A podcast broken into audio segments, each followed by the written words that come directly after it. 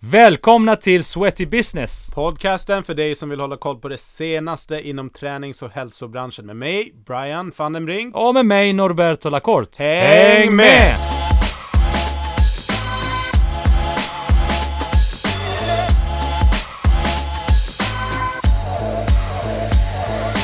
Det här avsnittet gör vi också i samarbete med Vint, en skräddarsydd bokningsplattform för gym och studios. Till exempel yogastudios och eh, crossfit boxar.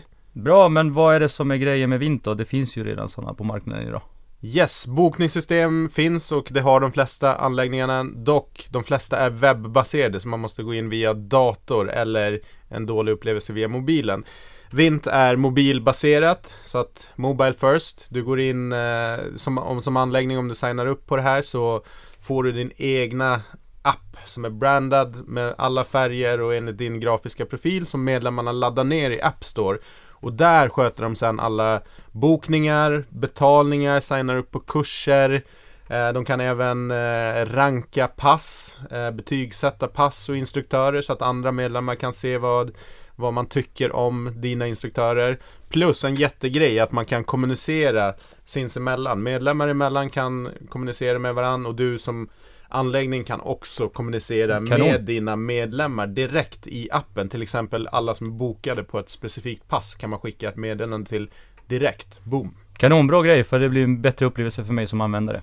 Yes, är du intresserad av mer information och testa på det här så har Vint ett, ett erbjudande för oss på Sweaty Business. Så att vint.se sweaty och gå in där, signa upp innan sista december så bjuder de på två månaders betalningsfritt helt enkelt.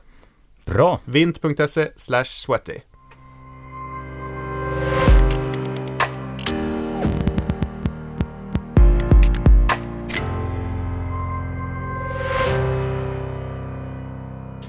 Yes!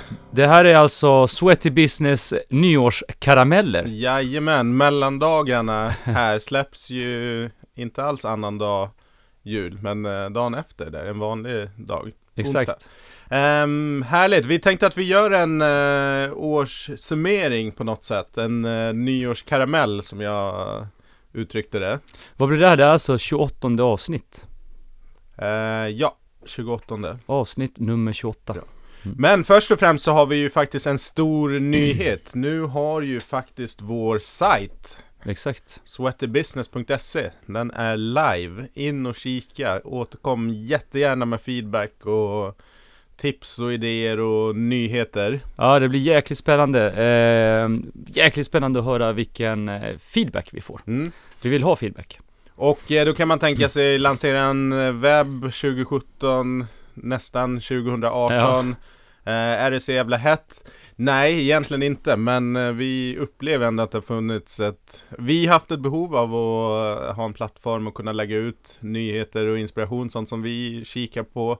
Men också ha en samlingsplats för branschen där man kan, om man är verksam i branschen eller är intresserad utav träningsbranschen kan gå in på ett ställe och hitta det senaste i form av information, nyheter, trendspaningar, podden för den delen. Ja. Men också jobbannonser om man är intresserad av ett nytt jobb inom businessen. Man kan också titta på utbildningar som ligger eh, framöver. Också tips på event som är på gång.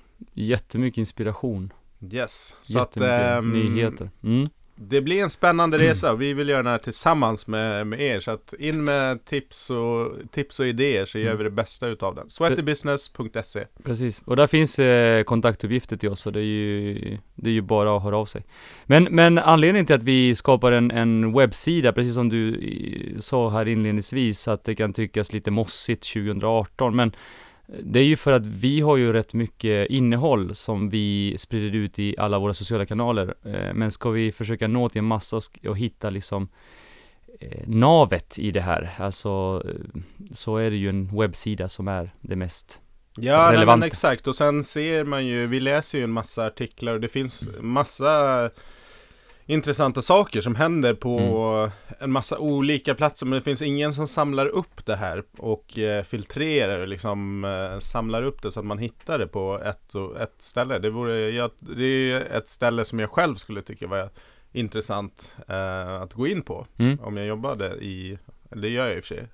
Som vi jobbar i branschen. Någon som jobbar liksom yrkesverksamt i branschen. Nej men det, gru- det grundar sig väl i att vi har saknat ett sånt Ja. ställe själva. Verkligen. Så att, eh, ja, Så in och kika. och kika. Men eh, nyårskarameller, eh, så att vi, ehm, vi tänkte faktiskt att vi gör en liten egen ehm, Sweaty Business Award Show här. Drrr.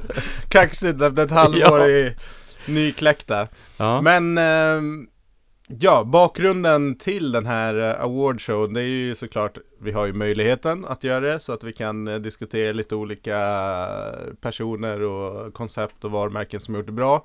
Ja. Men sen också, vi var ju på Guldhjärtat, Ja. Fitnessfestivalens Precis. eh, award show. Vad tyckte du om den? Var det första gången? Ja, faktiskt. Det är första gången jag är där live. Eh, så att jag, jag har ju följt det i sociala medier och så vidare tidigare. Eh, jag har hållit mig ajour med vilka som har vunnit och vilka som har varit nominerade och sådär. Eh, och anledningen är väl mycket på grund av att vi var nominerade i ett tidigt skede. Ja, Eh, och sen så bestämde vi att vi skulle gå. Så att eh, vad jag tyckte i allmänhet, men, ja. Bra, jag, jag tycker som sagt Ove gör ett bra jobb. Han har gjort Ove ett jävligt Rytter. bra jobb, absolut. Eh, vi hade ju honom i podden precis innan fitnessfestivalen. Han Mm. förklarade allting och vi förstår vilket jäkla jobb det ligger bakom det han har gjort. Eh, och det ska ingen ta ifrån honom. Men jag tyckte det var lite, lite, lite mossigt, lite, lite korvfest. Det var väldigt mycket män på scen. Alltså det var, det var min liksom uppfattning av det hela. mm. Och sen, eh, sen att, eh, jag vet inte, men det tilltalar inte mig att det ligger kvar ett arv från byggarkulturen i det. ja det Eh. var, jag fick, jag hade också den känslan också att det var Mm. Liksom bodybuilding som eh, Som hamnade väldigt mycket i fokus som liksom någonstans ett avstamp för Där vi är idag med träningsbranschen och det har ju Ove rätt i för att Gymmen per se kommer ju från en Liksom det var ju ursprunget att man byggde, byggde muskler Mm. Eh, men att än idag, liksom 30-40 år senare, ehm, har det så mycket i fokus när branschen har växt till så många andra delar där egentligen bodybuilding som fenomen, och det sa ju Ove själv, alltså bodybuildingen är ju död Mm. idag. Så att den Mm. har ju liksom utvecklats till någonting helt annat. Så att jag håller med, den, den fick ju orimligt stora proportioner och där delade man ju ut ett typ Lifetime Achievement Award till Mm. Rachel McLeish. Precis. Jag kände inte till henne och det var jättekul i och för sig att det var en tjej som fick det. Men det var ju en typisk eh, bodybuilding profil och hon sa ju på scenen liksom att bodybuilding is the foundation, crossfit, yoga, pilates, allt det där absolut. Men eh, bodybuilding is the foundation och då Ja. kände jag bara nej. Ja men det var det som kändes. Jag tror att hon hade ju svårt att uttrycka så vi har svårt att ta in den, den typen av budskap på grund av att vi, det är ju en annan kultur här i Sverige. Det är, Ja. det, det är det ena.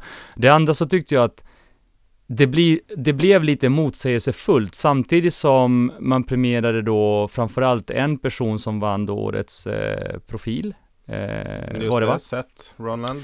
Eh, ja, det var ju årets, årets förebild. förebild. Eh, Ja, ja, sorry, men sorry. sociala, Rachel. sociala medier. Ja, sociala Eh, medier, Sara Dahlström. Precis, Sara Dahlström som liksom verkligen eh, har befriat det här och verkligen gör som hon vill och verkligen förmedlar att man får se ut och vara hur man vill, i, även i den här branschen. Eh, bara för att ta det ytligaste av hennes Ja. budskap. Samtidigt som hon kommer upp på scenen och det är väldigt mycket fokus på yta och hur fantastiskt hon ser ut vid den höga åldern hon har nått och så att det blev lite så här motsägelsefullt för mig. Det blev lite, jag vet inte, jag kände mig lite, eh, inte riktigt 100% eh, att jag förstod riktigt vad Guldhjärtat står för. Så att jag skulle vilja ha lite Nej. snävare, Nej, jag tyckte att det, det blev lite för Budskap. internt. Det vart ju lite avtackning, eller det vart väldigt Ja, mycket avtackning precis. för Ove, för lång Mm. och trogen tjänst. Han har ju valt att sälja eller hyra ut sitt varumärke Fitnessfestivalen till eh, Stockholmsmässan som har tagit över det och kommer driva det framåt. Ove och Katarina är väl med som rådgivare på något Precis. sätt. Men de kommer ju inte vara så operativt involverade i Fitnessfestivalen. Så det blev ju väldigt mycket en avtackning. Men samtidigt, ja absolut. Men vissa delar där kanske hade passat bättre i ett annat, lite mindre forum för de mer invigda liksom som kanske är ännu närmare Oves personliga. Liksom, för mig är Guldhjärtat, om det ska vara branschevent, bransch eh, award show, då måste spektrat vara mycket bredare. Då måste man tänka på de som sitter där i publiken, vad de, eh, vad de är intresserade av, vad som liksom det är ändå, Mm, man måste mm. täcka in alla delar. Det blir lite för mycket klubben för inbördes beundran och folk som som är uppe som, man, som många inte ens vet vilka de är. Det är jättebra att de lyfts fram men ah, det skaver. Mm, Det var precis. inte... Ja, men det, det kändes eh, lite omodernt samtidigt som det kändes eh, härligt att, eh, som sagt, Ove fick den avtackningen han fick. Ja. Eh, och det erkännandet.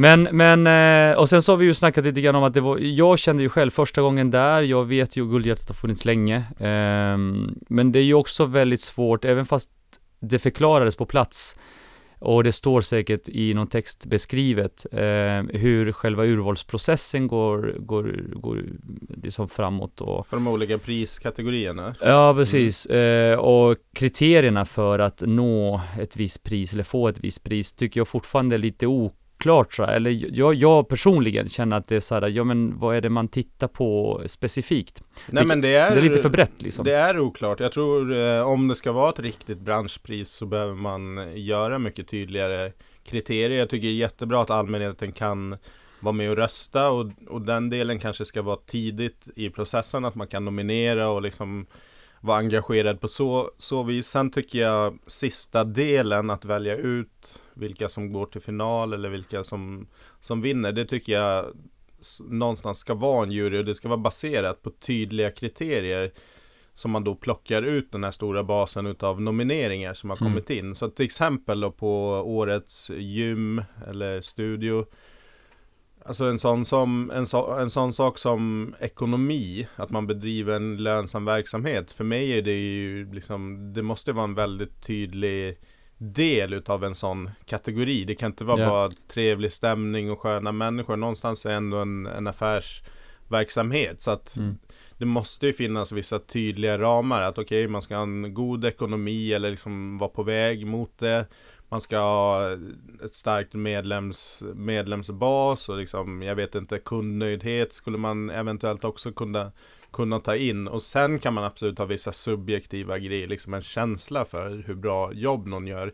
Men det blir ju, det blir lite snett. Uh, we, we Sigtuna som vann. Eh, jag, kan, jag kan tycka att det är väl förtjänt. De har gjort det, de har knappt, de har varit igång lite mer än ett och ett halvt år. De öppnade i augusti 2016 Mm. och har gjort det jättebra, blivit lönsamma snabbt. Så att det säger jag ingenting emot. Men jag kan tycka att några av de andra som var nominerade, som man kanske har lite bättre koll på under ytan, som kanske har verksamheter som, som går ganska knapert. För Ja, mig precis. är det så här, det finns ganska bra anläggningar där ute som inte ens var med i, i nomineringarna eller i topp fem. Mm. Och då blir det ju jättekonstigt när hela träningsbranschen sitter där och vet att det finns jäkligt starka kort som inte ens är med i matchen. Mm. Det är ju som att du skulle ha Oscarsgalan och så den året, årets tre bästa filmer är inte ens på tapeten. Det skulle ju aldrig hända. Nej. Sen- Nej, precis. Och det finns många sådana här grejer. Det, det, man skulle kunna plocka ut eh, specifika delar utav det eh, hela tiden för, för egentligen varje kategori. Men i det stora hela så tycker jag att eh, mer, mer kanske business-tänk.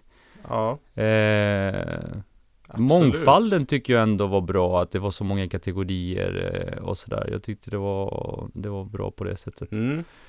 Nej men det finns, eh, som sagt, ska det bli ett bransch, vi får väl se nu då om det, hur Guldhjärtat lever vidare nu när fitnessfestivalen går in i en ny form och fitnessfestivalen som koncept. eh, Den helgen kommer ju, i år så la de ju till kampsportsfestivalen. Precis. Nästa år diskuteras det att ta in dans, så att Vad tyckte du om fitnessfestivalen i stort om vi går liksom tillbaka till det?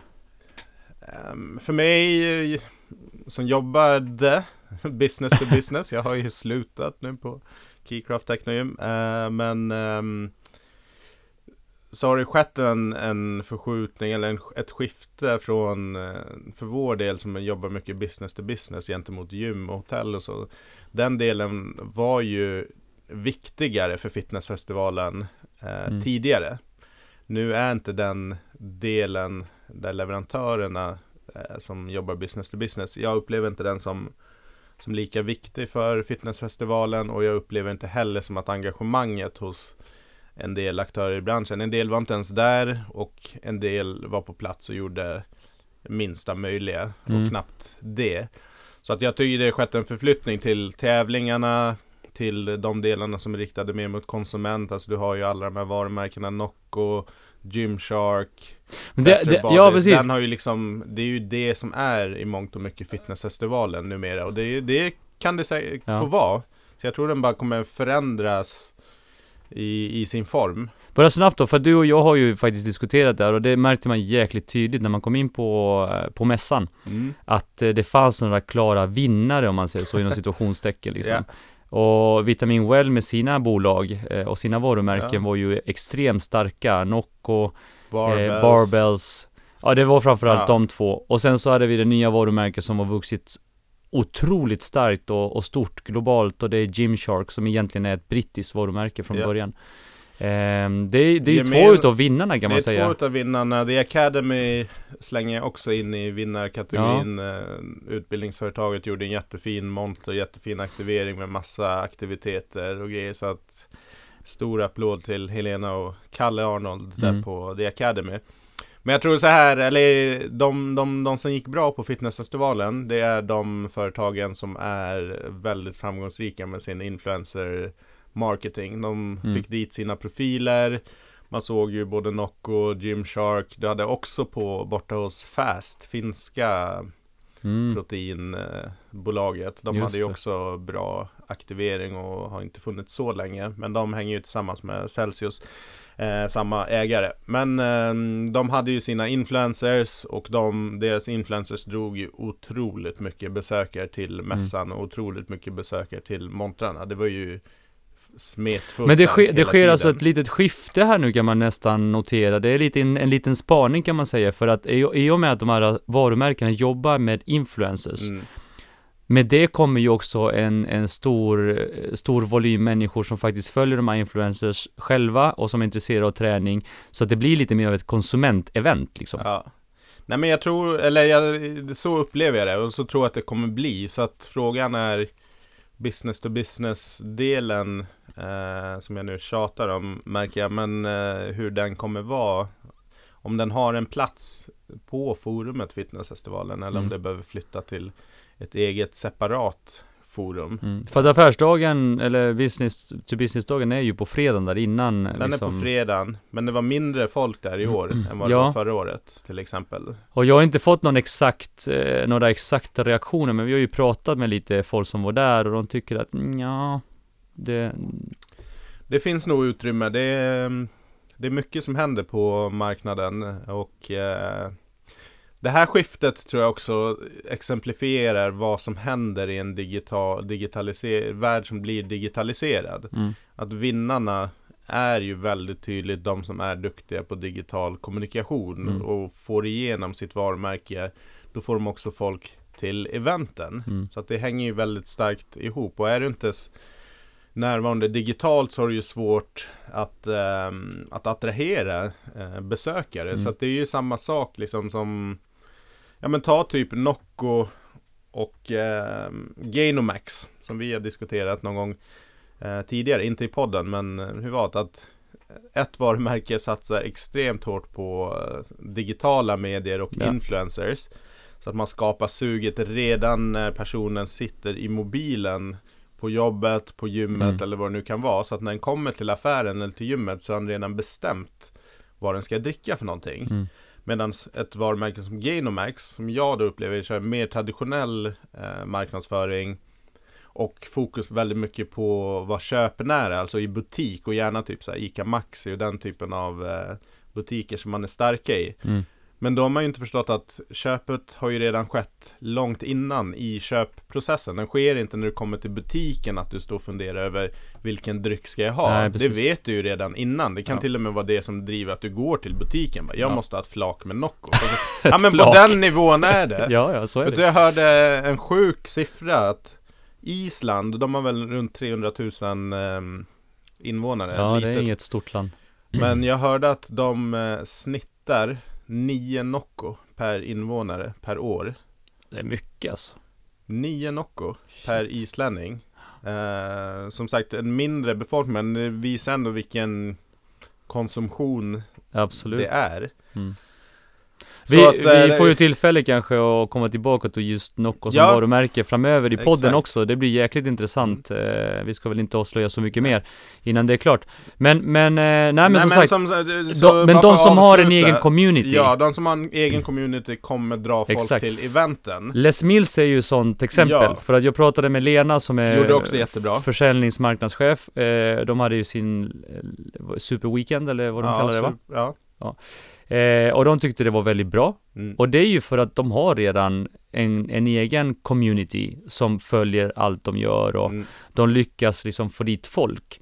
Eh, och det som, det som är roligt är att de är ju i sin egen bubbla. Ja. Så att när man pratar med folk kanske som, som har varit på Les Mills eh, kvartalsutbildningar och event som, som hölls den helgen, så, så kanske de inte kan säga så mycket om mässan i övrigt Nej. för att de var verkligen i sin egen bubbla. Men det är ju skitkul att man får dit så mycket folk. Ja. Nej men så är det. det, mässor tidigare var nog mer att okej, vi ställer ut på den här mässan och så träffar man massa folk som man aldrig har träffat förut eh, och liksom folk upptäcker ditt varumärke. Men precis som i Nocco och Gainomex exemplet, folk upptäcker ju ditt varumärke i mobilen, digitalt idag. Så att de vet redan vem du är och om du då bjuder ner, ja men vi finns här, så kommer de dit. Så att det här med att bara ställa ut skorna på en mässa och hoppas att det flyger. Nej, det kommer inte göra om inte du har något väldigt spektakulärt. För att det här mindsetet hos besökaren som ska till Noccos monter och träffa den här influencern som den följer varje dag på Instagram. Mm. Det är ju det som driver den att gå dit. Sen kanske den hittar någonting annat, men det är ju Nocco-montern. Ja. Eh, och med tanke på att Nocco inte har någon egen butik eller något annat fysiskt ställe där man kan träffa de här människorna förutom på på gymmen så, så är det ju en sån plattform och samma för Les Mills att ja, men Ja, ja. här kan vi samla hela Les Mills communityn. Vi är på en plattform som är gemensam med annat men vi har vår egen liten värld i den här. Ja men hatten Världen. av alltså. Hatten av. Det är riktigt, riktigt snyggt jobbat av de här varumärkena. Men något, något annat då? Jag, jag noterade en liten grej som var sådär lite udda för mig. Eh, och det är ju anledningen till att eh, till det, det är ju för att vi hade ju deras VD med i podden. Eh, och det var ju Björn Borg, hade en egen, eh, en egen liten monter. Ja, Eh, bland allt det här andra som kanske, men Björn Borg har ju, förknippas ju inte egentligen historiskt sett med den här typen av aktivitet och i det här forumet. Men jag tyckte det var ändå kul att de, de går in och tar li, lite mer plats i, inom det här segmentet. Ja, nej men det var ju nytt tror jag för, för i år att de körde en egen monter och de har faktiskt inte alls varit förknippade med träning. De har ju verkligen gått från underkläder till att numera förflytta sig mer mot sport och Mm. träning. Så att det här är väl del i det.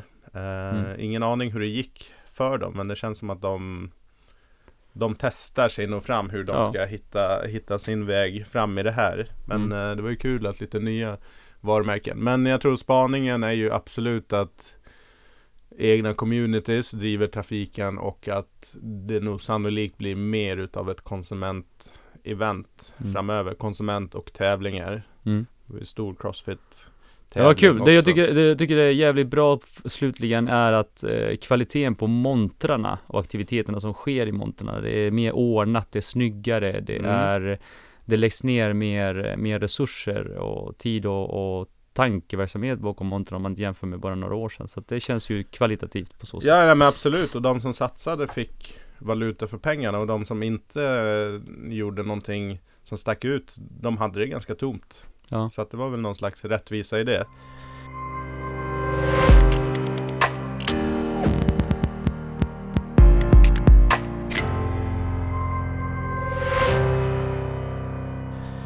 Alright, um, Yes. vår egen awardshow då som vi har dragit på oss här efter en, uh, byggt på oss en kostym här efter dryga Exakt. sex månader igång.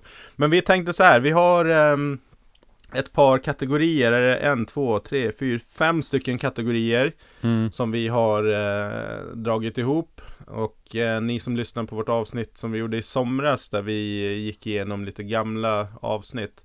Så det är samma upplägg här att vi har fem kategorier, vi har fått på varsitt håll fått fundera kring ehm, våra egna tankar och vi har inte diskuterat dem innan. Nej. Det var Så jäkligt vi, svårt. Vi drar en kategori och så säger den ena sin, sitt namn eller sitt, eh, sin åsikt och sen diskuterar vi och så, och så kör, kör den andra direkt Mm. på det och sen byter vi kategori. Så vi hoppar eh, rakt in i den första och då har vi Boom årets profil. Drrrrum. Ja, Ja, ska jag svara först då eller? Ja, om du vill. Ja. Eh, årets profil, alltså jag har haft så jäkla svårt för att jag tycker att det är väldigt många som gör bra saker och man ska vara sådär diplomatisk. Och jag, det är ingen som har liksom kommit in i min radar och jag bara wow, känt så. Men det jag tycker faktiskt att, eh, jag tycker Sara Dahlström gör det jäkligt bra. Mm. Eh, hon har fått sitt pris i Guldhjärtat. Hon får det här. Hon har fått flera Eh, priser. Och eh, jag, jag tilltalas väldigt mycket av det hon håller på med. Av flera olika anledningar och gå in och titta på hennes profil och så vidare. Hon är ju eh, eh, chefredaktör för Hälsa och Fitness-magasinet. Mm. Eh, men, men jag tycker, årets profil, jag säger det här och nu, hon har varit med i podden Lofsan. Ja. Och, och jag, Varför an- då? Anledningen är för att hon har lyckats med någonting som är extremt svårt. Att skala upp sig själv och sitt eget varumärke. Mm. Genom att använda flera olika verktyg. Eh, genom att skriva böcker, ha en egen podd. Eh, hon har anställt människor som jobbar under hennes varumärke. Eh, med god hjälp då och sen hennes man som hjälper henne i det här. Men, men om man fokuserar på, på just henne så tycker jag att hon har gjort det fantastiskt. Hon jobbar digitalt. Eh, hon har sunda värderingar. Eh, det finns ett business mind. Eh, att saker och ting ska vara lönsamma. Eh, och sen tycker jag att hon är väldigt rak fram. Hon säger vad hon tycker och tänker och är inte så jäkla orolig för andra, vad andra ska tycka om henne. Och det, det tycker jag är en fantastisk egenskap. Så att Lofsan, hon får årets Mm. profil från mig. Nej, jag kan bara instämma. Jag, hade, jag valde inte henne, jag funderade på, hon var definitivt med Du där. visste att jag skulle vara Nej, det visste jag inte. Men ehm, det blir ju lite så här, de som syns och hörs, ofta blir man ju också lite, man blir ju van med att de är alltid är där. Så att man, det är ju svårt, det är ju otacksamt ibland att vara den som syns och hörs. För att man, folk blir så här blasé och bara, men, Mm. ja, det, ja men det är lite så här, Zlatan vinner 10 eller 11 guldbollar Ja, raken. exakt. Och så bara, man tänker, det är helt jävla sjukt att man vinner 11 år, det, kommer aldrig hända igen. Det finns typ inget land där det har hänt att en fotbollsspelare hållit liksom i ett decennium och kört. Ja, det är en extrem Så dominans. att, så att det blir ju lite samma här, att Lofsan har ju varit och är väldigt Absolut. mycket där ute och liksom lite uppmärksammad. Så jag tror många tar henne lite för givet och vissa tröttnar kanske också på det. Ja. Men man, jag tycker det är jättebra. Jag tycker hon har ju nog bara börjat sin resa. Jag tror hon, har, hon är en av få i Sverige som har potentialen att bli en, en global spelare inom sitt eh, gebit. Det är svårt Mm. att komma från Sverige och nå slå, slå eh, internationellt för att Ja. det är precis som, som du sa tidigare, det är lite annan kultur och kanske annat fokus på på utseende i många stora marknader, UK och eh, USA. Men ehm, ja, jag tror Lofsan, vi får hålla utkik där. Absolut. Hon är ung och hungrig och verkar hela tiden innovera sig själv. Mm. Så att eh, grattis där. Jag ehm, som sagt hade Lofsan med på radarn definitivt, men jag valde faktiskt till slut eh, Magnus Wilhelmsson. Ja, Eh, ägare och eh, VD, tror jag, på Nordic Wellness. sådär. Cool. Eh, och eh, jag känner inte honom speciellt väl, träffat honom på några... Jag tror han är ganska anonym för de flesta av Ja, eh, fast er han är som med, lyssnar om på man den har här sett podden. en Nordic Wellness reklamfilm så är han med i Ja, alla. det. vi håller på att jaga honom till eh, podden så vi kan Ja. förhoppningsvis få med honom här ganska snart. Så då, då får vi ta honom på pulsen. Men varför honom? Det är mm, när de flesta andra kedjorna står hyfsat stilla. Det är inte en så stor expansion Mm. längre utan många fo- formar om sina koncept och funderar på vad de ska bli. Eh, så tokgasar han. Han köper allt. Han köper och öppnar allt. Små anläggningar, stora anläggningar. Han ringer till till ägare av anläggningar och bara stämmer av hur det är i den stan och bla bla bla och det bara sprutar ut nya anläggningar och jag tycker Jag har ingen aning om hur han får ihop det och liksom ekonomin, hur man har råd att öppna så många. Och det är lite skitsamma, jag gillar liksom det här framåt Du gillar mindsetet? tänket. Han har liksom, jag tror de har nästan 160 anläggningar. Ja. i Sverige. Mm. Det är rätt sjukt alltså. Eh, Så att Nordic Wellness för mig är så här mm, Med mellanmjölk. Och jag tror de vill vara mellanmjölk. De vill vara verkligen passa svenska mindsetet Att man får lite av varje Det ser rent och stilrent Ja, Vitt ja, på ja. väggarna eh, Och lite schyssta grejer Så att det, är en, det är en bra grej och prislappen är ju tilltalande Som de ligger på Så jag fattar ju grejen Han kör sin grej. Ja. Så eh, Magnus Wilhelmsson för hans eh, friskt vågat eh, attityd. Och han gör det själv. Det är helt galet. De flesta brukar ha private equity-bolag som går in och då gasar man. Men han har på något sätt liksom lyckats liksom växla upp det här själv. Så det vore otroligt intressant att lyssna med honom Mm. hur han tänker och hur Ja, han gör det som många andra Alla vill ju kanske inte öppna 160 anläggningar och ha Nej. den huvudverken Men Det är ändå många som inte kommer ifrån Den första till den andra anläggningen Nej, Så, så att liksom, hur fan gör man? Mm. Hardcore entreprenörskap. Yes Ja, kul. Jag tyckte det var jäkligt spännande att höra faktiskt. Ja, det var lite otippat. Eh, skönt. Bra, årets träningsform Årets träningsform. Alltså det här är ju så här, jag har funderat, för jag funderar så Det är här. en Kalle Anka-kategori Ja. egentligen men Men vet du vad? Jag har faktiskt det som sammantaget sammanfattar, för mig, det som sammantaget sammanfattar 2017. Vi har ju snackat så sjukt mycket om butikgym, butikgym, Ja, buti- så jag börjar bli less på det. det. liksom. Så att sammantaget, årets trä- eh, träningsform är cirkelträning. Ja, Punkt. Punkt. Ja men ja vad men fan. är det The end. Utveckla Nej men Barry's Bootcamp som vi har snackat om så jäkla mycket också som varit uppskjutsat. Vad är det? Cirkelträning Exakt. Vad är acid training? Vad är build and burn? Vad är alla de här koncepten? Det är cirkelträning. Det är gammal hedlig cirkelträning och det, det tar bara nya former, det tar nya uttryck och det får nya namn. Men i grund och botten så är det cirkelträning. Alltså i må- många fall, vad är crossfit? Ja. Cirkelträning. Ja. Så att, så att eh, cirkelträning, säger jag. Mm. Jag är väldigt eh, så här, nöjd med det svaret, för jag kom fram till det jävligt sent igår kväll. För att eh, som sagt, jag tänkte först, ja men jag ska hitta ett koncept. Men Mm. nej, cirkelträning sammantaget är ju det som alla går igång på nu liksom. Absolut, jättebra och jag funderade också på den här jättemycket och så vill man ju nä- nästan slå knut på sig själv för att hitta det senaste för att man vill ju vara ny och relevant. Ja, du vill vara het. sättet. Men jag, jag håller med, cirkelträningen är ju verkligen det som är och den går ju att variera. Du kan göra konditionsbaserat, styrkebaserat, en kombination utav de bägge så att det, och det är ju ah, vi behöver ju träna allround så att det är ju inte konstigt att, Mm. att det är vinnande. Så det var bra att jag inte tog samma då, men jag tog eh, ändå, jag tog 3D-träningen. Den kanske hade sin liksom Ja, peak egentligen förra året. just. Men jag, jag märker ju att det har fått ett, att nu har det blivit lite mer allmänt vedertaget och jag ser kanske också mer traditionella tränare Mm. eh, ta till sig det och i gruppträningen att det har liksom kommit in. Sen att, och det här också känns, det är lite så här, ja men 3D-träning och egentligen det har ju alltid funnits 3D, alltså vi rör oss i tre dimensioner. Det är Ja. ju väldigt få cirkelträningspass eller liksom core-pass eller vad det nu har varit historiskt som, som man bara har rört sig i ett eller två Mm. rörelser. Oftast har man ju fått in alla tre. Sen har ju 3D-träning och de, de som driver på den fåran, de har ju gjort det lite mer eh, hett liksom, Ja, och precis. paketerat det. Men det har ju också gjort att det, och det är väl kanske det lite du är inne och menar, att nu har du fått en egen identitet. Ja, det finns någonting att exakt. ta på Och folk som- är medvetna om att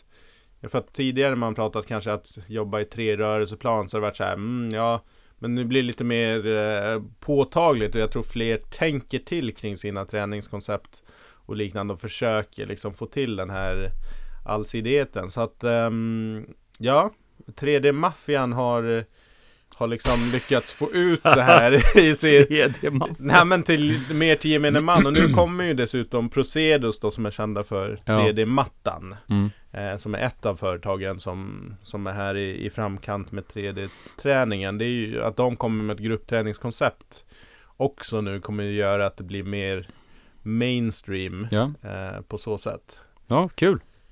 Det är Yes. skitroligt att sitta och, och bolla fram och tillbaks utan att vi vet vad vi ska svara. mm. Eller utan att den ena vet vad den andra ska svara. Yes, eh, vidare då. Jag vill att du ska svara först den här gången då. Eh, gym, studio, eventuellt koncept. Årets alltså gym, studio eller koncept. Ja, jag... Den var svår, men jag landade, jag måste ändå ge det här företaget som jag kommer säga alldeles strax Jag måste ändå ge dem det de har gjort och den satsningen som inte alls är säker att det kommer funka liksom. Men Men jag ser inte så mycket grejer som sticker ut så. Och det kanske inte behöver göra för att bli årets gym Men jag vill ändå komma med någon nyhet. Så jag säger ändå Barrys bootcamp och kommer Mm. alla som följer mig på Instagram bara Ja men du är ju där jämt Du är så ja, bias. jag är där en gång i veckan. Brian är sponsrad Ja. av Barry's. Nej men de gör någonting annat än det som finns eh, på marknaden och man har gjort det fullt ut. Mm. Eh, man har eh, tagit liksom, det är ju ett koncept så att de kan ju inte göra mer än, att- mer än att ta hit det som är mallen i det här Ja. franchise-konceptet. Man har gjort det jäkligt bra och extremt snyggt, kanske till och med för liksom Mm. fixat för att man ska känna träningskänslan i alla fall när man inte är inne i gruppträningssalen. Mm. Men men, det är ju så de, de vill ha det. Sen, sen kan man ju alltid Jag tycker väl träningen i sig, framförallt styrkedelen är jag inte så här jätte-wow av. Men det är jäkligt kul att köra intervaller där med jättehög musik och bra tryck och en massa människor runt Mm. omkring. Man, man trycker ju på lite extra. Men det, alltså, jag, jag har ju kört en gång, vi körde ju tillsammans, Mm. vi har gjort en video om det, så gå in och kolla på YouTube, vår YouTube-kanal, om ni vill kolla på videon då jag och Brian var där och körde. Eh, men jag, faktiskt så, jag tyckte att det var lite folkligare än vad jag trodde det skulle vara. Alltså det var, det var mer, ja det var vanliga människor som tränade där. Mm. För jag fick ju först när vi var där på invigningen och kollade runt så fick jag ju direkt den här känslan av att shit, det här är ju bara Stureplan. Mm. Eh, så, eh, om man ska ha fördomar. Men eh, ja, vanliga människor, olika, olika nivåer, skön stämning. Så jag tror när folk tar på sig träningskläderna så hamnar du alla på samma nivå. Då, då gäller inte reglerna och normerna som är utanför gymanläggningen. För Mm. att de, jag går ju där, rätt, eller rätt ofta, men en gång i veckan. Så då ser man ju vilka som, som är där. Och det är ju mycket inne och innepinne människor som hänger kring Stureplan och liknande. Så att utanför gymmets väggar så är, det, så är det kanske en annan typ av grej Men där inne så är det liksom alla på, så då är det helt andra Ja. regler Så att eh, det gör nog att folk eh, slappnar av och sen har de en jäkla skön personal faktiskt som är chill och Mm. får en välkomna Det är ingen attityd alls så utan väldigt Coolt. service Så jag ger dem, dem det och sen Magnus Wilhelmsson fick ju ros här av mig Mm. nyss Men jag ska ge lite ris utan att ha varit på hans Skönt, det gillar vi. Nej men de, Nordic Wellness då som gasar på, de, deras liksom business är ju att vara väldigt tillgänglig, finnas på många ställen och till en extremt attraktiv prispunkt. Och då har man ju satsat på ett eget butikkoncept. Mm. Jag vet ju att Nordic Wellness, de är väldigt duktiga på att åka runt på mässor och de åker regionschefer och alla som behöver vara involverade liksom i konceptutveckling. De åker Mm. runt på massa grejer som är superduktiga på att ut och titta. Så de har ju tittat på eh, ett koncept som heter Boxer i London. Eh, BXR, googla på det. Mm. Eh, jättecoolt boxnings high intensity butik. Eh, de har kikat på säkerligen Barrys och, och liknande. Mm. Och sen eh, har de då skapat ett koncept som heter Grand Fitness, eller Grand Fitness. Okej. Som är ett butik i Göteborg. Mm. Eh, det var egentligen en vanlig Nordic Wellness-anläggning som skulle öppna. Och, men då valde man att göra den här till en butik. Så att man har gett anläggningen alla attribut av en butik. Mm. Att det är annan inredning, det är väldigt hem, hemtrevligt, eh, eh, liksom lyxigare lyxigare materialval, omklädningsrummen känns liksom jäkligt nice och påkostat och det är mörk belysning och liksom allt det här som man känner igen. Ja. Men, så tittar jag på bilderna Mm. så är liksom utrustningen, det är billig Kina-utrustning Mhm. i mångt och mycket. Hantlar och skivstänger och då känner jag så här. Nej, då har man inte gjort det hela vägen. Och, det, och en butik avgörs inte bara på utrustningen, men i beskrivningen av det här konceptet så har man gett en beskrivning av, av vad en butik är, liksom den här premiumkänslan Ja. eh, och så vidare och så vidare, det personliga. Mm. Men man har också lagt den här så att det ska vara en tillgänglig butik. Så att prisnivån är liksom Okej. inte i linje med andra butikgym. Plus att om du är medlem i Nordic Wellness och har typ ett Sverigekort eller liknande och massa andra kort så har du tillgång till det här också. Mm. Och då har man missat en, en grej med butik och det är just att butik är till för en nischad målgrupp. Butik är inte till för alla. Mm. Så att då försöka göra, det är som att du skulle ta en Porsche och så lägger du priset som en Skoda Volkswagen. Mm. Då tappar ju väldigt många av de här som skulle köpa Porsche för att Porsche Mm, är en Porsche. Då är inte Porsche längre vad det var, då är Porsche en helt annan produkt. Så Mm. rent kostnadsmässigt skulle det förmodligen gå back på att sälja en Porsche till det priset. Men Mm. eh, nu har väl Nordic Wellness en sån pass stor, starkt maskineri så att de inte behöver ta liksom Mm. 300 spänn per pass. Men för mig så skaver det att dels att prisnivån och tillgängligheten för det blir för alla. För att Mm. för mig inte det, det går emot hela butiktänket där det ska vara en du vet, alltså alla här älskar cykling, alla här älskar Soulcycle. Det är Ja. liksom den känslan du får. Om du då blandar ihop alla, Mm. då är det så här, ja det är Nordic Wellness fast det är en mörk butikig miljö. Ja, just det. Vad blir det? Jag kan säkert få superfel här och Magnus kommer skratta åt mig och det får han jättegärna göra så. Men jag tror inte på kedjorna att de ska göra butiks. Nej. Jag tror att de får svårt att lyckas med det för att det ligger inte i deras DNA. Deras Blir, blir det, DNA hur tänker du då? Att man bara liksom, det är samma, samma kropp under, det är bara att de får eh, andra kläder liksom. Det är så som man det känns. hakar eller? på en trend. Ja. Man har inte passionen för att göra ett butikkoncept utan man, gör, man, man hakar på en trend för att man ser att den är lukrativ och att den är en hot mot ens egen business. Så att självklart, så då skapar Mm. man någonting för att möta upp den. Eh, men skillnaden då om någon skapar ett butikkoncept för att de älskar eh, cykel eller de älskar rudd och de bygger ett koncept utifrån det och hittar Ja. andra människor som älskar rudd, älskar cykel eller älskar löpning. Mm. Då har du liksom en passion för det konceptet och kommer Mm. göra det hela vägen. Men om, om din passion inte är att göra butiks utan din passion är egentligen att göra business och du skapar ett butikkoncept för att möta upp en konkurrens. Jag tror du tappar genuin, det blir inte genuint. Nej. Men eh, vi får se Ja. utvecklingen på det. Ja men det är skönt, för samtidigt så, så slår du fast i liksom att du har en övertygelse om att butikgym och, och liksom begreppet butikgym har vissa bestämda ramar som man måste uppfylla ändå för att det ska få vara ett sånt eh, koncept liksom. Och det är ju, jag Ja, tror att det är skönt lyx. ändå att kunna segmentera Ja. på det sättet. Premium slash lyx och mainstream Ja. är två motpoler. Ja. Så att där har du liksom en grundmotsättning som gör att det blir svårt. Och det kanske gör att de sätter dem i prislappen lågt för att du får butikskänslan till en låg penning så då kanske du inte går till Mm. en potentiell konkurrent som öppnar. Så att det, det är ju en, en strategi såklart som de har. Men Mm. jag skulle inte, jag tycker inte det är en butik. För mig är det liksom ett, ett nytt koncept i Nordic Wellness-koncernen. Skönt. Mm. Härligt, bra spaning. Ehm, ja, ska Vad jag... hade du då? Eh, ja gym. just det, fasiken, jag har inte kommit så långt. Eh, precis, jag, eh, jag hade svårt. Eh, jag hade jäkligt svårt för att eh, plocka ut någonting. Men, men sen är det ju för, för några veckor sedan, för några månader sedan så kom det upp eh, ett, ett gym på min radar som jag faktiskt inte själv har besökt, men jag har ju sett mycket bilder och jag kommer att besöka inom kort. Mm. Eh, jag tycker att de har gjort det jäkligt, eh, jäkligt bra för att de befinner sig geografiskt på ett ställe där jag kan tänka mig att det är svårt att bedriva den typen av verksamhet. Och de vi pratar om är alltså Form City i, på, på Gotland, Visby. Mm.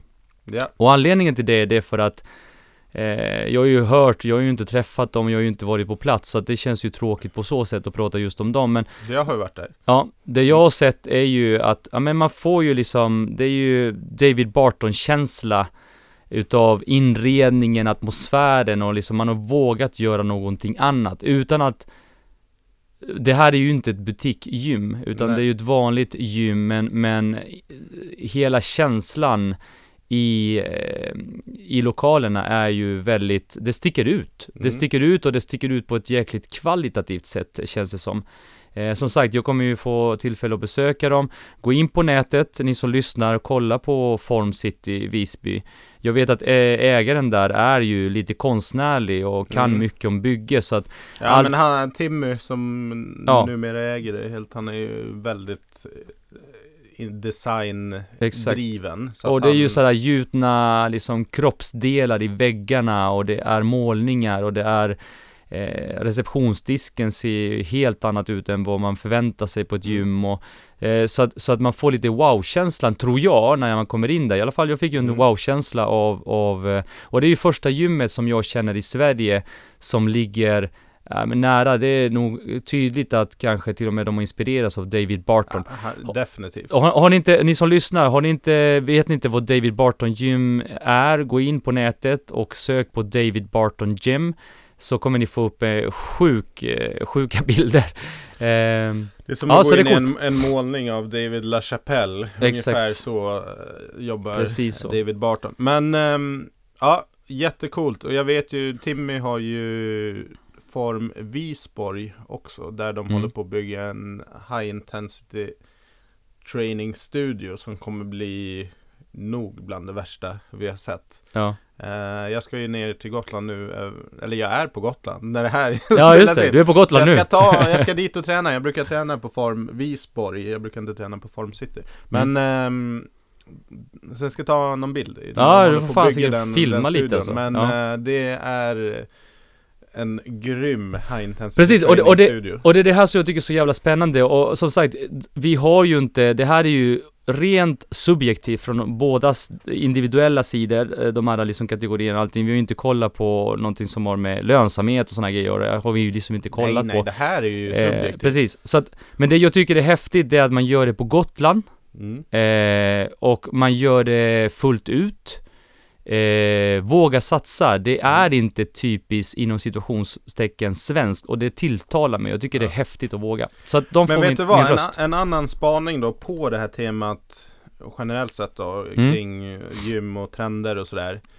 Och det har, jag tror du sa det till eh, någon som vi pratade med i podden. Mm. Men just att innovationen idag drivs inte primärt av kedjorna. Nej. Innovationen drivs av Så nischaktörer. det. Så, att det är ingen skräll att det är liksom Betty i Växjö Nej, på B-room jobbar helt annorlunda med personlig träning. Du har Timmy på Gotland som jobbar med liksom design och inredning på ett helt annat sätt än Mm. vad, vad de flesta. Så att mångt och mycket det som driver innovationen framåt är ju nischaktörer som Ja. sen påverkar typ Nordic Wellness som startar en egen butik om det nu ska bli en kedja, ingen aning men de har öppnat Ja. sin första anläggning. Så att det är ju en jättebra spaning för året.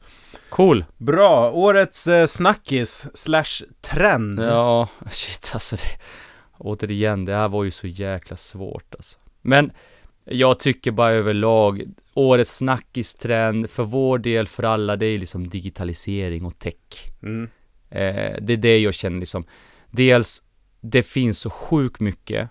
Eh, svårt att veta var man ska välja, hur man ska implementera det. Så att digitalisering och, och liksom allting som kommer med tekniska lösningar har ju varit en snackis hela året i branschen liksom. Mm. Hur ska vi göra för att bli relevanta framöver och ja, nej det där med digitalisering och tech det är bara en fluga, vi- säger Visa liksom och det är ju, det är ju ganska märkligt i och för sig kan jag Mm. tycka. Men, men det är mycket, det jag tycker överlag har varit liksom övergripande. I alla fall som sagt på min radar. Ehm, så att eh, det blir också lite allmänt, precis som cirkelträning men Men, eh, nej, men digitalisering och tech och vad som kommer hända framöver, vad som händer just nu och hur det, och hur det, det förändrar och påverkar eh, träningslandskapet. Det, det är otroligt intressant. Yes. Så att kort och gott. Och det är ju intressant kring tech tycker jag just kring att det finns eh, en del som är skeptiska till liksom Ja i USA var det över 40% Ja i USA var det 42% av gymägarna som var, som var Som inte var oroliga för att någon techdriven konkurrent skulle ta över Men eh, Jag tror så här när man, när man pratar tech, alltså själva träningen i sig och det som händer, det är inte det som är primärt det som, som kommer förändra mm. hur, hur, alltså tekniken kommer in och förändra, liksom att du kommer träna bara för en digital tränare och så här. Utan det är mer alltså, hela vägen från hur hittar du ens din träningsform som du ska Jag flyttar till den här stan, jag vill träna eh, kampsport. Mm. Hur hittar jag? genom vänner eller förmodligen kommer du liksom googla. Det är alltså samlingsplatser för att hitta träning, hitta rätt pris, hitta rätt tränare. Den infrastrukturen kommer byggas så att marknadsföringen som liksom klassisk marknadsföring, tidningsannonser, mm. direktutskick. Det är bara glöm det. Det kommer finnas helt andra marknadsplatser för att ens nå kunden, den potentiella kunden. Och sen har du liksom allt ifrån hur kommer du betala för din, din träning? Mm. Hur, eh, hur boka? Alltså, det är där den stora förändringen kommer ske, liksom hela vägen fram tills du kanske är Sen självklart kommer det förändras på anläggningen, det kommer in teknologi. Mm. Men om man tror att man kan fortsätta med liksom traditionella sätt att nå ut. Jag tror att de som är, håller på med business och försöker med traditionella medel nog märker att man, det har en kraftigt avtagande effekt. Jag menar hur många under 25 konsumerar papperstidningar, pappersmagasin på mm. regelbunden basis. Det är ju liksom by chance som, man, som den målgruppen bläddrar igenom någon tidning. Ja. Eh, så, att, så det är där och uppmaningen där är liksom att ja, men ta hjälp. Jag tror det är svårt att sitta i sin egen bubbla och och komma på hur man ska ta nästa steg. Men det finns ju duktiga personer lokalt som är duktiga på Google-annonsering, alltså sökordsoptimering och så vidare. Ja, så vidare. det är, alltså grejen är att det här har ju funnits så sjukt länge, men det känns som att sen, sen kan det mycket väl vara så på grund av att jag lever i min egen bubbla, men det känns som att 2017 är ändå året det blev på allvar snack kring digitalisering på riktigt. Absolut. Och vad digitalisering är, så att man inte bara tror att åh, oh, nu har vi, nu har vi liksom skaffat ett nytt eh, program, alltså medlemsprogram eh, till, till gymmet, utan det handlar om så jäkla mycket mer. Ja.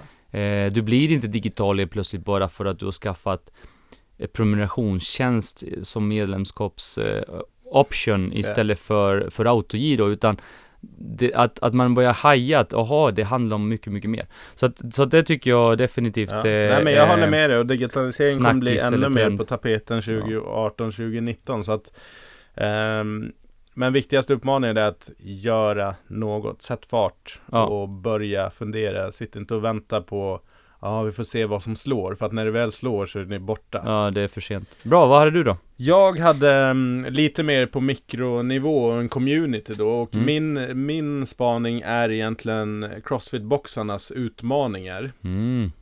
Eh, det som var så himla hett och nytt och liksom rock the world och förändrat påverkat träningsbranschen i liksom helt nya riktningar eh, är idag Definitivt, det är inte en bransch i kris, men det en, den har en identitetskris mm. skulle jag säga. För att det som byggde Crossfit, hela den här gemenskapen, communityn, yeah. kom här, alla kan vara med, vi skalar, vi anpassar.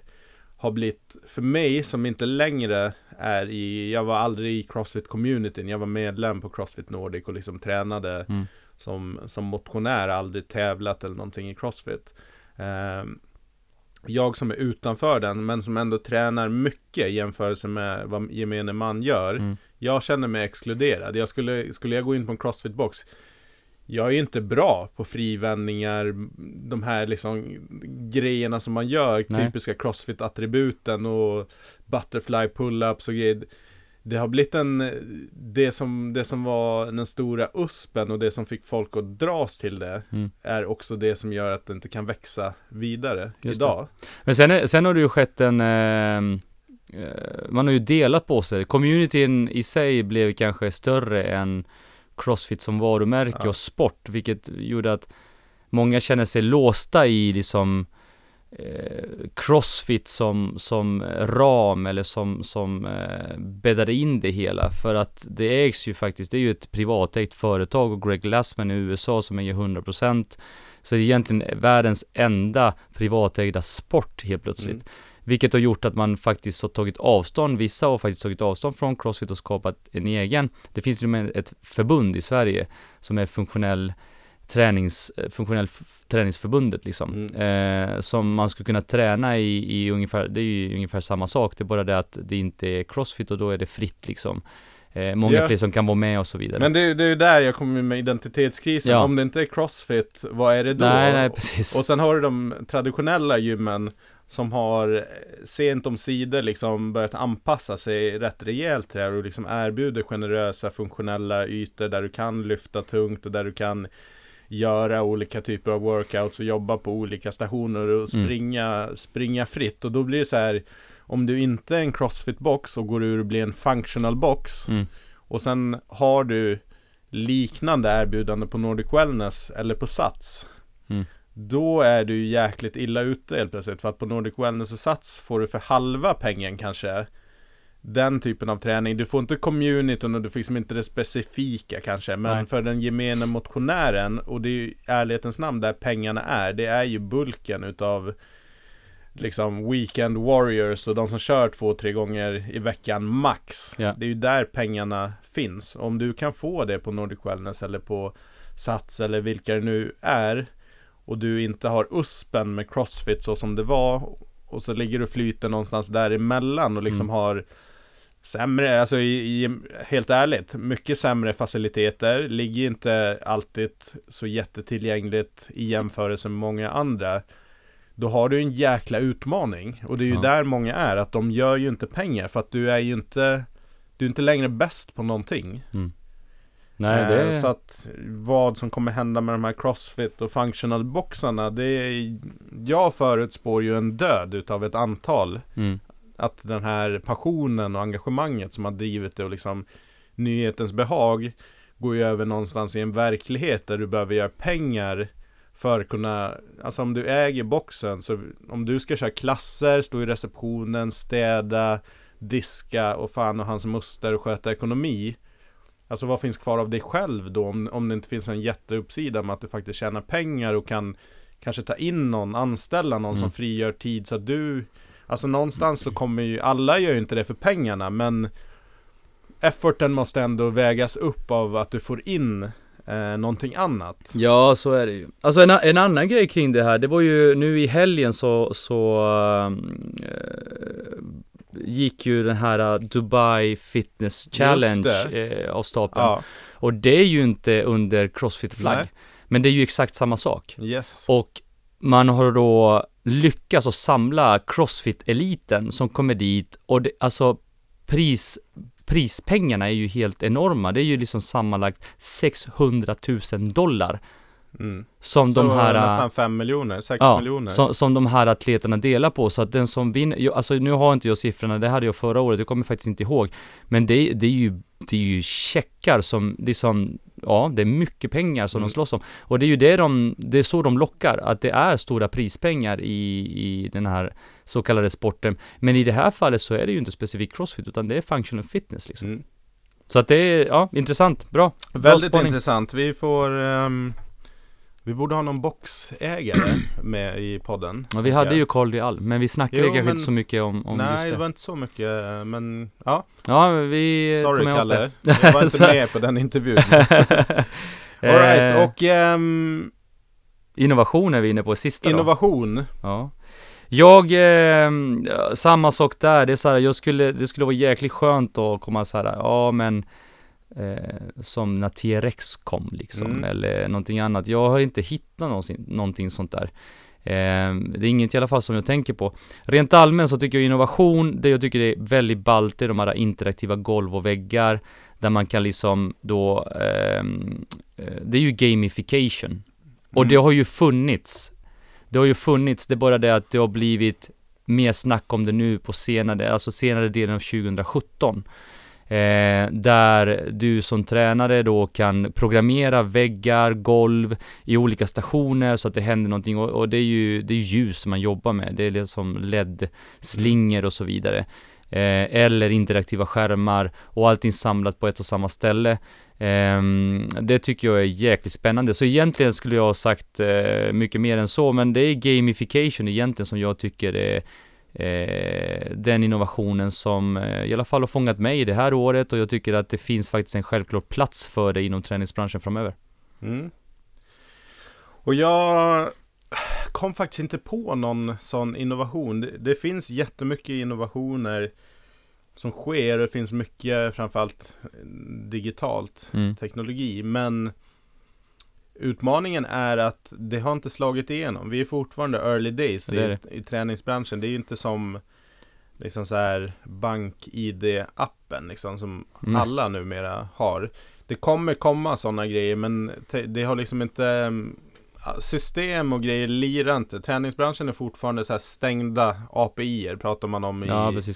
I tech-sammanhang att system är öppna så att man kan ansluta ett annat system till det så att ett system kanske är bokningssystem medan ett annat tillhandahåller själva betalningen. Mm. Nu försöker än så länge de systemen som finns på marknaden, de försöker liksom äga hela kakan. Ja. Så att då har visst varumärke sitt och så säljer man det på någon kund och så blir de inlåsta.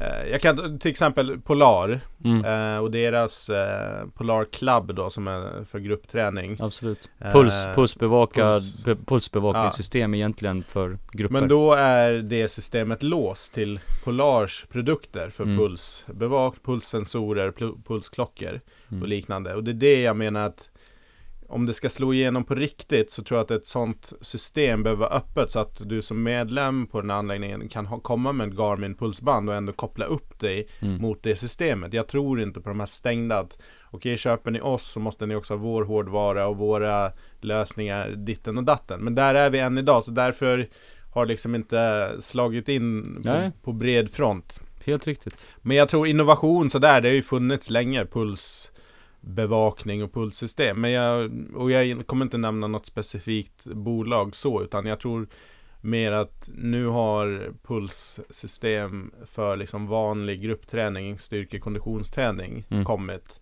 som en, och kommer bli en mycket mer naturlig del utav ja, varannan anläggning åtminstone. Ja, så. Så att då skulle jag nog ta det som liksom innovation och ingen credit till något bolag för det här har funnits i framförallt inom cykel och inom löpning har ju liksom puls Ja. men just i gruppträningsform, mer traditionell gruppträning så, så kommer vi se det på ett helt annat sätt. Mm. Så jag tar det.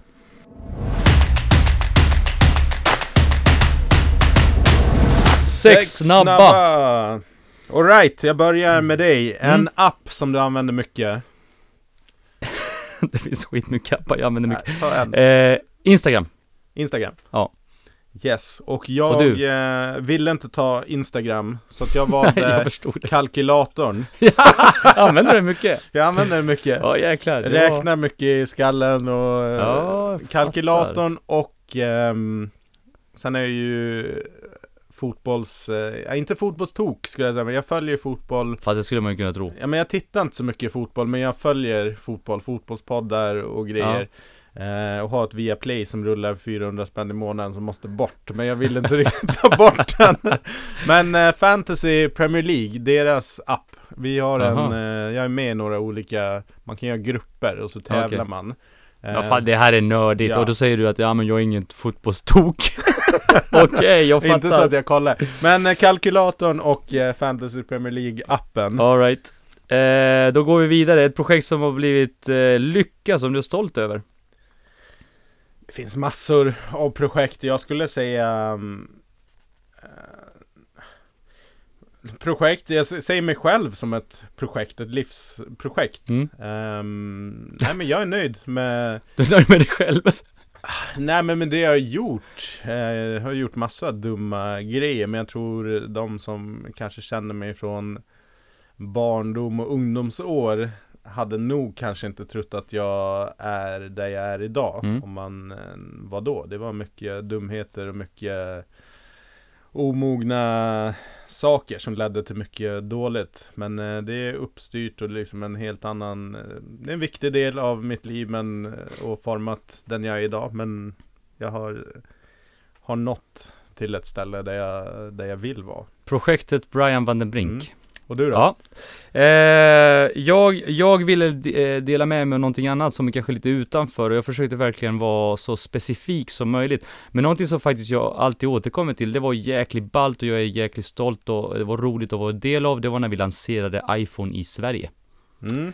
Eh, PS Communication. Ja, precis. När jag jobbade på PS Communication, vi hade fyra simultana event som pågick samtidigt i tre olika städer. Malmö, Göteborg, Stockholm.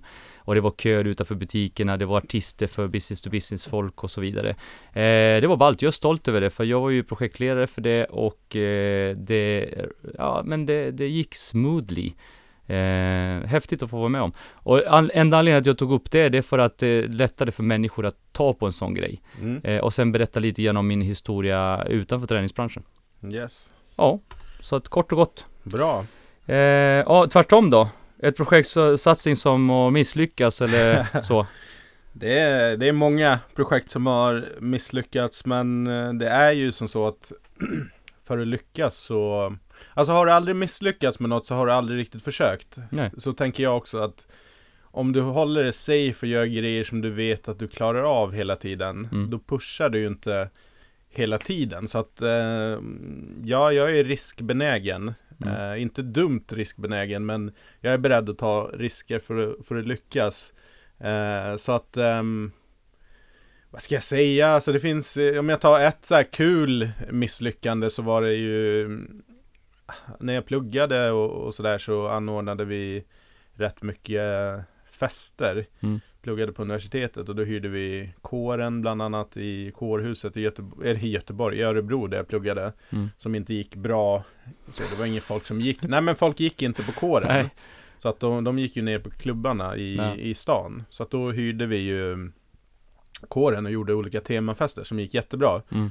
Och sen eh, när, vi flyttade, när jag flyttade till Stockholm så gjorde ju du, jag och eh, Marie Ja, Enqvist det, Vi ja, gjorde precis. ju en fest på Indecent Bastards. Indecent, The Indecent Bastards kallade vi oss. Så vi gjorde en Halloweenfest Ja. som var sjukt lyckad. Ja, du träffade ju Moulin Rouge. Du träffade ju Maria som du har Exakt, barn med nu sambo. idag. Vad är det? Tre, fyra år sedan. Ja, det är fem år sedan. Ja. 2012. Och sen blev du ju stadgad så du var ju inte intresserad av att anordna fest längre. Så att jag och Marie Tillsammans med ytterligare en eh, kille bestämde oss, jag Ja. tror det var året efter, liksom ett halvår efter, att vi skulle göra en, eh, en påskfest. Och Ja. vi hyrde en båt på Söder Mälarstrand och liksom skulle göra en house-grej, house-party. Eh, satsade stort och första eventet gick ju bra och det gick plus. Så att i mitt mindset så var ju redan det var ju en kassasuccé liksom. Det Mm. självklart skulle det bli fullt här. Mm. Men eh, det gick ju åt skogen. Det, slu- det slutade ju med att vi fick betala pengar. Jag tror jag betalade 13 000 var för att täcka kostnaderna. Ja, så att från att liksom ha mindsetet att ja, här kommer det komma in 30 papp per skalle Ja. till att betala. Det är ju en rätt lång Så jäkla snopet och gjort Ja. en lyckagrej året innan och sen så har man det med sig liksom lite grann i bagaget och sen så blir det så här, det är Så klart. att, eh, ja det misslyckades. Eh, men Ja, jag säger som Ove, det finns egentligen inga misslyckanden. Man lär sig av varje grej och så jobbar man vidare. och det är en fin övergång till eh, det jag tänkte berätta om då. För att det jag tycker inte är ett misslyckande, men eh, om man tittar på rent ekonomiskt så Mm. är det ju ett bolag som du och jag startade tillsammans som heter Activate Me. Ja, Eh, jag ser inte det som ett misslyckande för du driver ju Activate Me vidare och det lever kvar och mår gott. mm. Men det blev väl kanske inte det riktigt som vi, någon utav oss hade tänkt det sig. Och eh, det var ju ekonomiskt inte så, så lönsamt heller.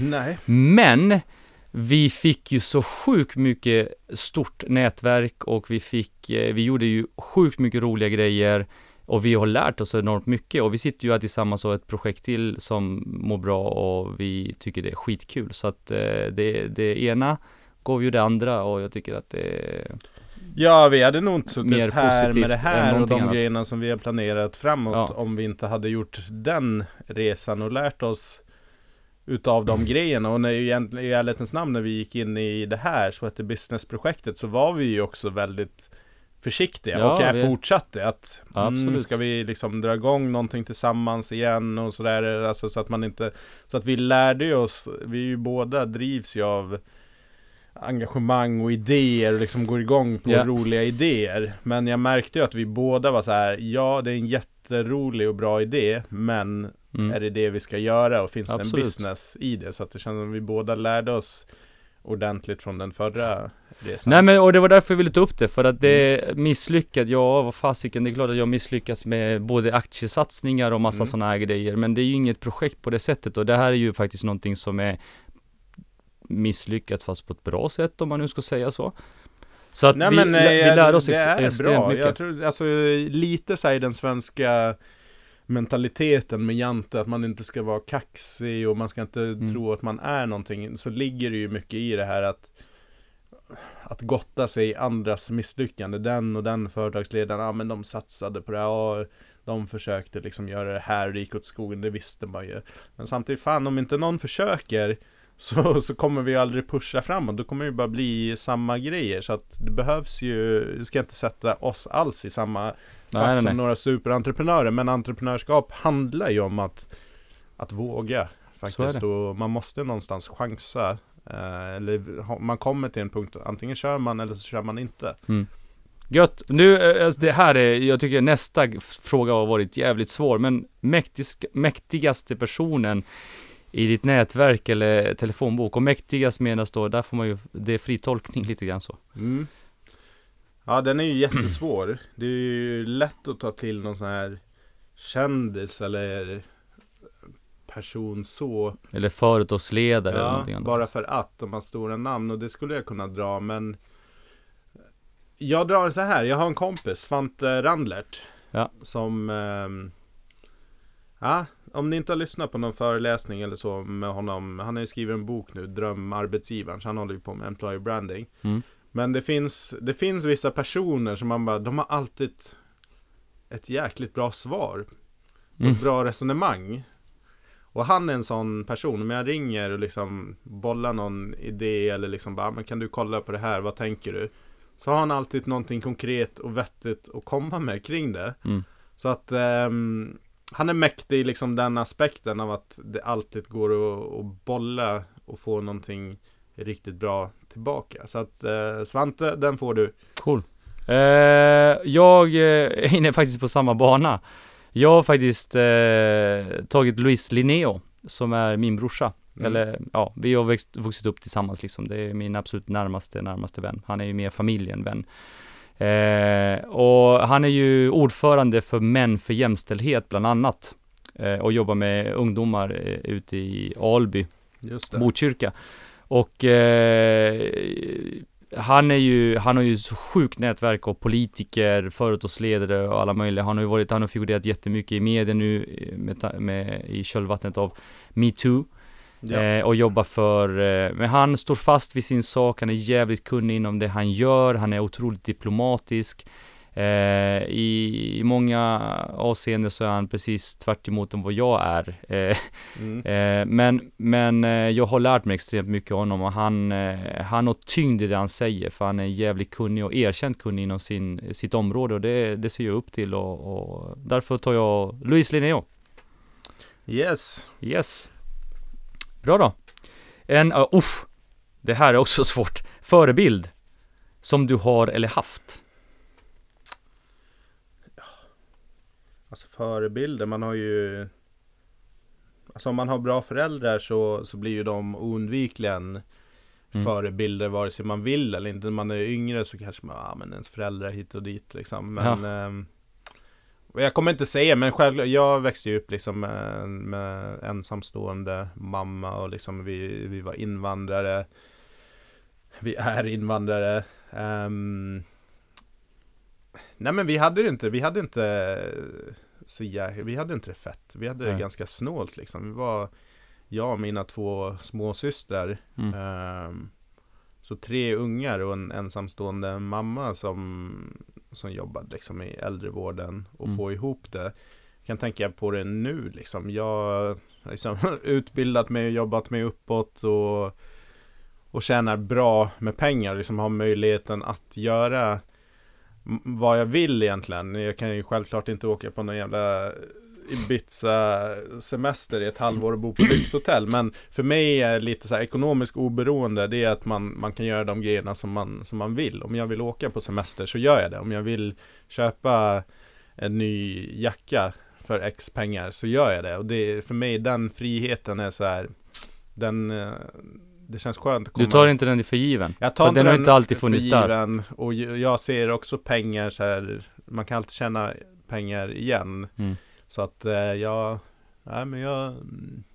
Så att där, eh, min mamma definitivt, eh, man får förståelse när man får egna barn och sådär för liksom bara shit, hur funkar det där? Samtidigt bor vi i ett fantastiskt land och många håller på och tar billiga poänger av att folk är bidragstagare och liksom snyltar på staten. Mm. Men jag tror de bidragen som jag inte har en aning om, vad säger barnbidrag och, och sånt där, men det finns säkert andra, annat stöd som vi, som vi hade. Mm. Den investeringen som svenska staten gjorde i vår familj Mm. har de fått tillbaka gånger hundra i form av skatt som jag betalat in och driver företag och inspirerar andra till att göra saker. Så Mm. att det här skitsnacket med att folk, folk vill inte sitta hemma och ta bidrag Nej. och liksom inte göra någonting. Folk vill vara viktiga, vara behövda. Sen finns det idioter som sitter hemma och liksom nyttjar systemen. Men det tror jag inte har någonting med Men idioter kommer det finnas alltid, överallt. nationell tillhörighet. Det har med liksom, jag vet inte, uppväxt och liksom vad man har för inställning. Mm. Eh, Så jag säger min mamma och ska jag välja något så här popnamn som jag själv inspireras mycket av om någon vill eh, undra det så är det definitivt Petter Stordalen. Mm. Eh, Cool snubbe. unik. Jag tror alla de här mega-entreprenörerna, jag lägger in Stordalen tillsammans med Elon Musk och de här. Jag tror de är extremt jobbiga personer. Det är inte så här man skulle hänga med dem och liksom trivas svinbra utan att bärsa det i Stordalen så men, men jag tror att de, de har liksom med konstant igång och liksom jäkligt De är jobbiga personer för de pushar på Jag tror Mm. För att vara en sån person så Det är inte liksom sitta hemma och vara mysigt och trevligt hela tiden Nej. Men de har sån, han har sån enorm energi, karisma Jag har träffat honom vid några tillfällen eh, Några sammanhang liksom Ser människor, hälsar Men han tar mycket plats och sådär och Gillar man entreprenörskap så Läs hans bok Mm. eh, Fantastiskt inspirerande Men också väldigt mycket liksom, konkreta tips som man kan Ta med sig i vardagen Mm. Så Petter Stordalen Cool. Jag måste visa dig. Kolla vad jag skriver.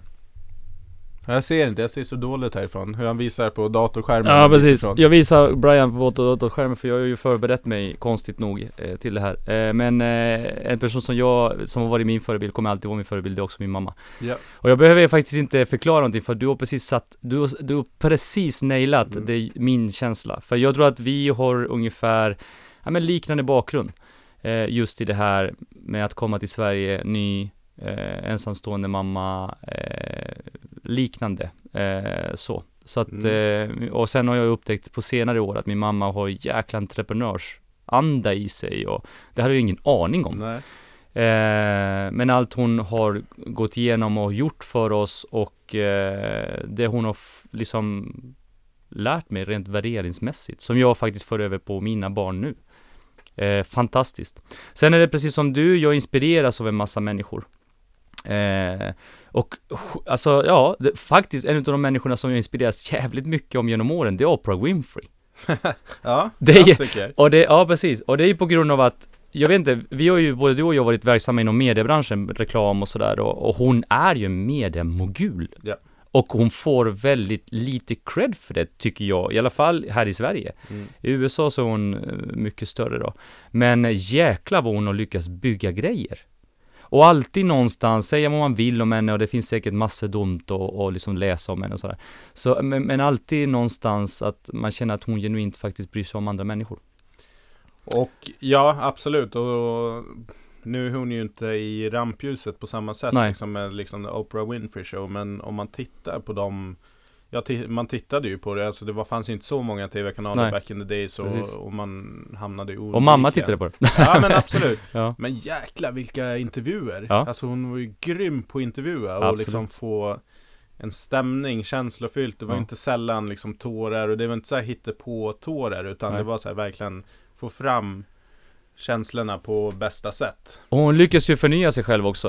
Eh, hon lyckas ju och, och eh, liksom gå från tv till olika, olika kanaler och, och liksom starta magasin och allt möjligt. Så att häftigt, kolla Hon upp är en eh, legend. Hon är en Mm. legend. Och sen finns det en massa andra, men Ja. skit i det. Nu går vi vidare till nästa. Eh, Vi, vi, vi struntar i sista frågan med trender på grund av att Vi vi, har vi, har ju pratat pratat så trender. mycket trender och sådär, så att eh, bra. Eh, Men då slänger vi in, vi fick faktiskt tips från Erik Börjesson om att kasta in en ny fråga i vår, um, våra intervjuer. Det är bok som Ja. folk, folk läser som vi intervjuar. Han eh, sa att förmodligen de som ni intervjuar läser nog en, hel del, intressant. Mm. Så att vi tar den på oss själva. Mm. Ja, Brian. Ja, Du, du nämnde ju Peter Stordalens bok. ja den har jag ju läst, den, men den ska jag läsa igen under våren. Mm. Eh, jag har lite Läser du dålig- mycket eller? Nja, det är mest när jag är semester. Så att nu när det blir jul och ledigt ska jag plöja en bok som jag har börjat, som jag kommer säga alldeles strax. Men annars så, mm, det blir ljudformat. Jag lyssnar ju på poddar och jag lyssnar på ljudböcker. Och vi tipsade ju om en bok som heter Sweat Equity av Jason Kelly. Just. Ehm, så det är den, den har jag börjat. Jag har läst två kapitel och det är Sweat Equity, alltså svettkapital. Så det handlar om investeringar i fitnessbranschen och framförallt USA. Så att då går, han är ju ekonomijournalist i grunden på Bloomberg Media Mm.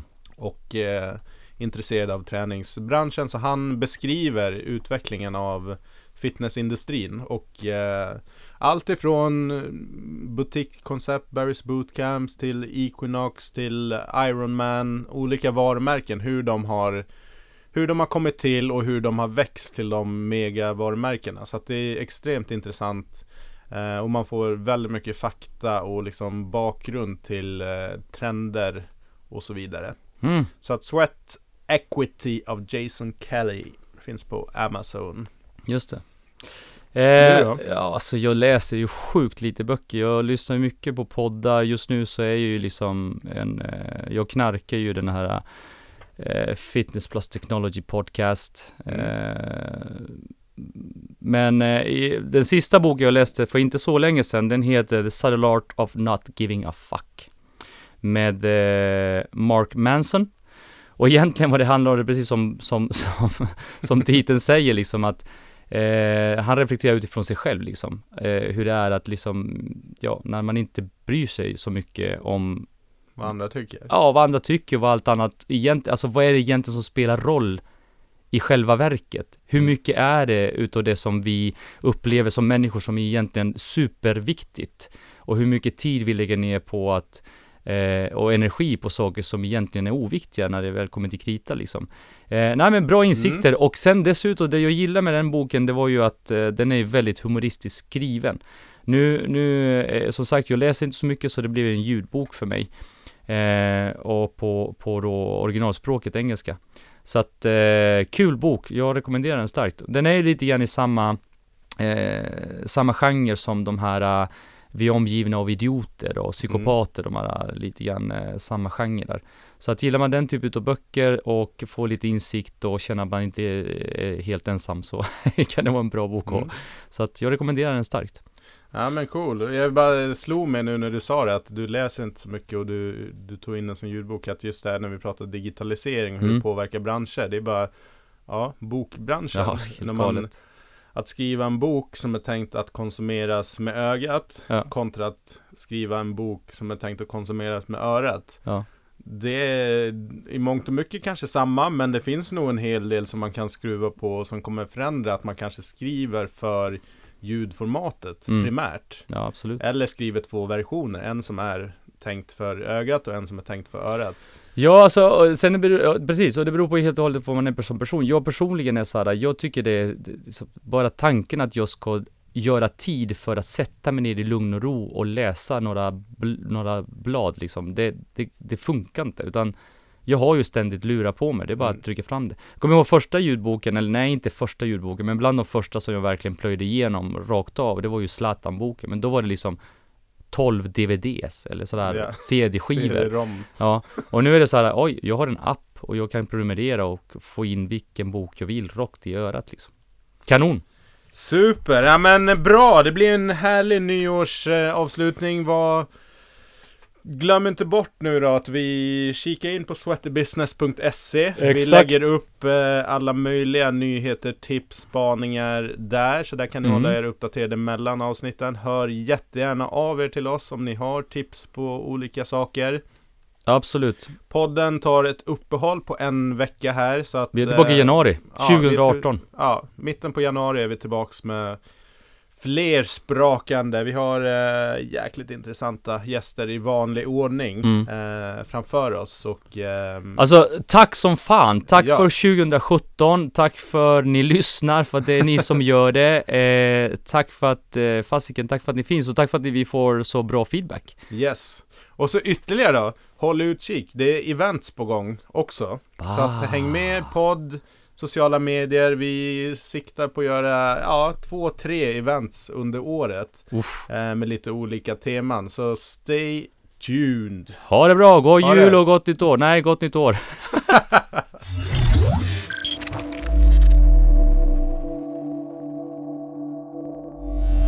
Glöm inte bort att följa oss i våra sociala kanaler Facebook, Instagram och YouTube. Du kan också lägga ett mail till oss på sweaterbusinesspodd@gmail.com. Vi skulle jättegärna vilja att du ratear oss i din poddspelare så vi kan nå ut till ännu mera människor.